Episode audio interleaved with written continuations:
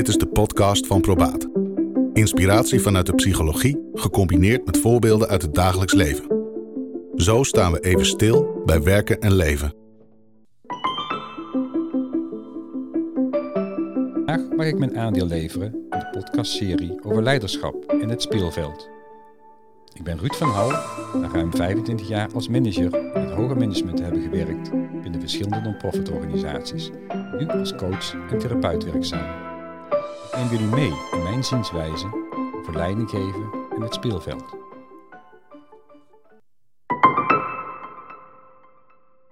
Leiding geven doet iedereen anders.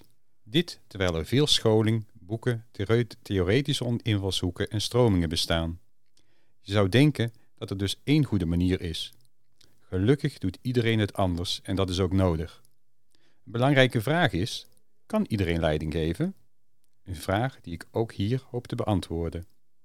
Leiding geven kan iedereen, maar gezond leiderschap is niet iets wat voor iedereen is weggelegd. Het vraagt een bepaalde persoonlijkheid en daaruit voorkomende drive. Dat maakt je tot een geschikte leidinggevende.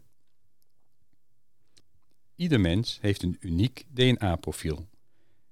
Bij het werken met het enneagram, dit is een eeuwenoude zienswijze waar ik veel gebruik van maak.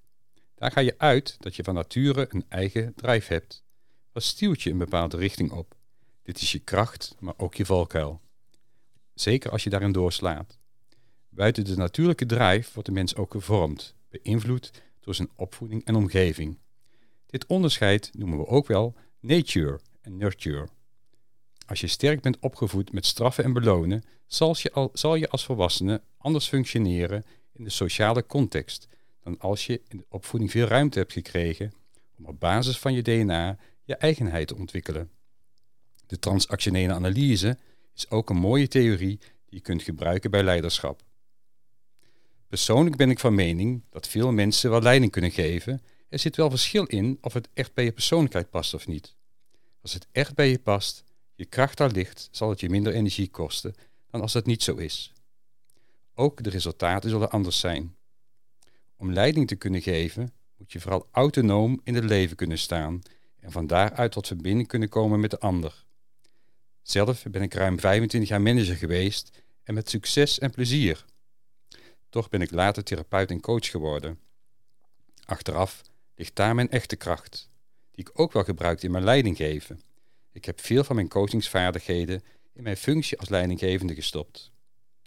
Kortje Rebbe leefde van 1787 tot 1859, heeft het al over de noodzaak om een eigen ik te zijn.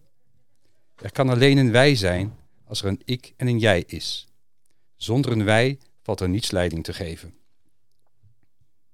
Dit klinkt mogelijk vanzelfsprekend, maar is voor veel volwassenen lastig. Als leidinggevende ben je een belangrijk onderdeel van een geheel en moet je je eigen plek innemen. Overigens is dat voor alle medewerkers belangrijk. Van een leidinggevende wordt verwacht dat je minder beïnvloedbaar bent en autonomer in je werk staat, omdat je als leidinggevende de koers moet weten te houden, juist als hij afdreigt te buigen. Autonoom wil zeggen dat je je identiteit niet ontleent aan de goedkeuring van je omgeving.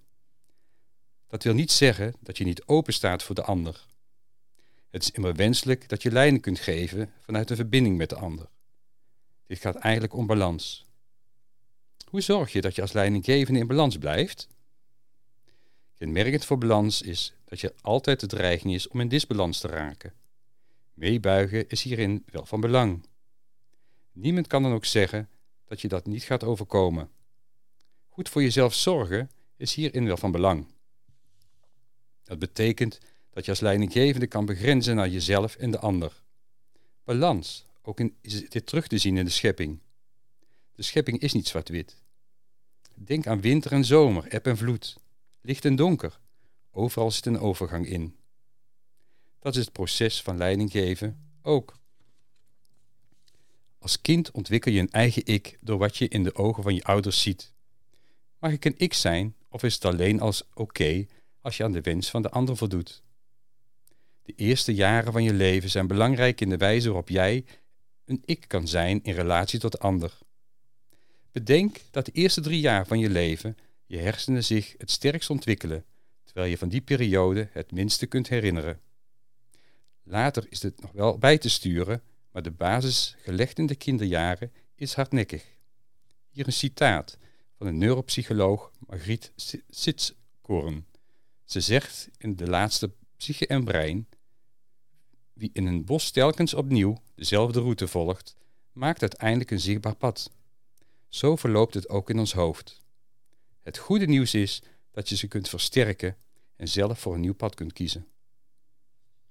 Belangrijk gevolg van de identiteitsontwikkeling en autonomie is de mate waarin er ruimte is om het met elkaar oneens te kunnen zijn, zonder dat je uit de verbinding gaat.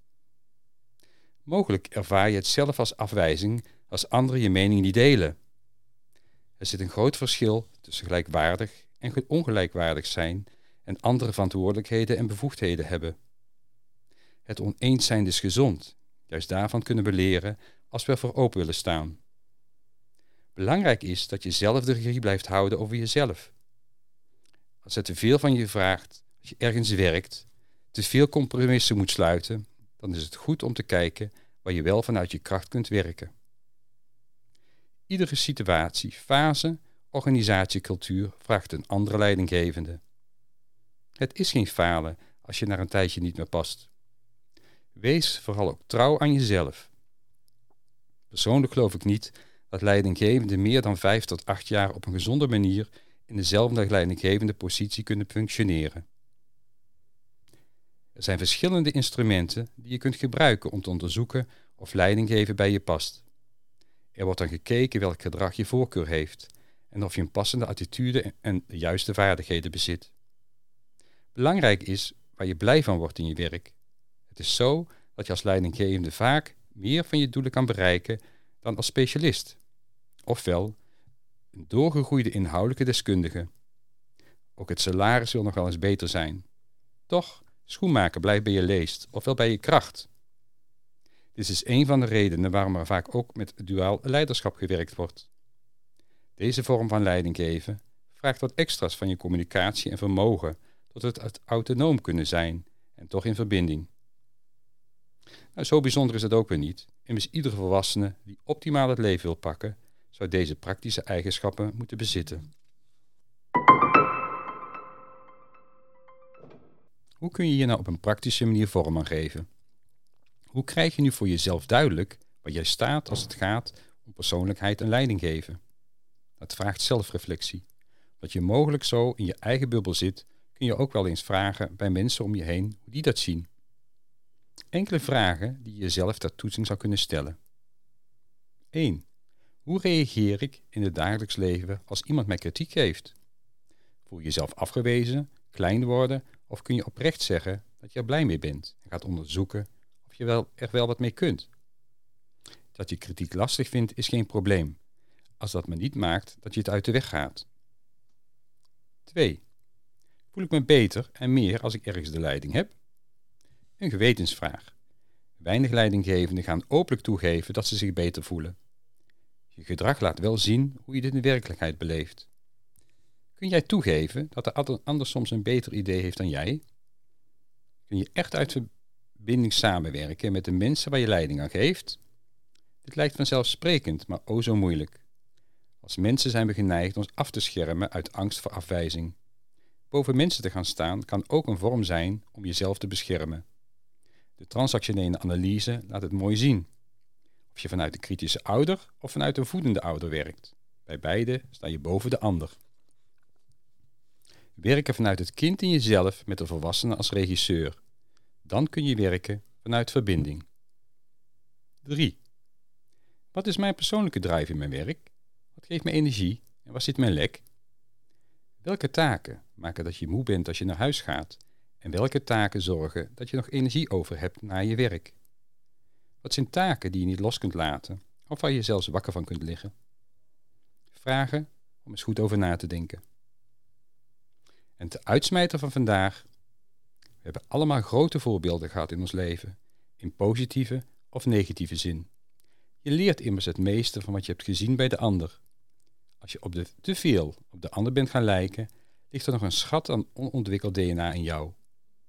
Ook iedere leidinggevende is uniek. Dit was de Probaat Podcast. U kunt ons vinden op www.probaat.nu. En de volgende vindt u ook hier.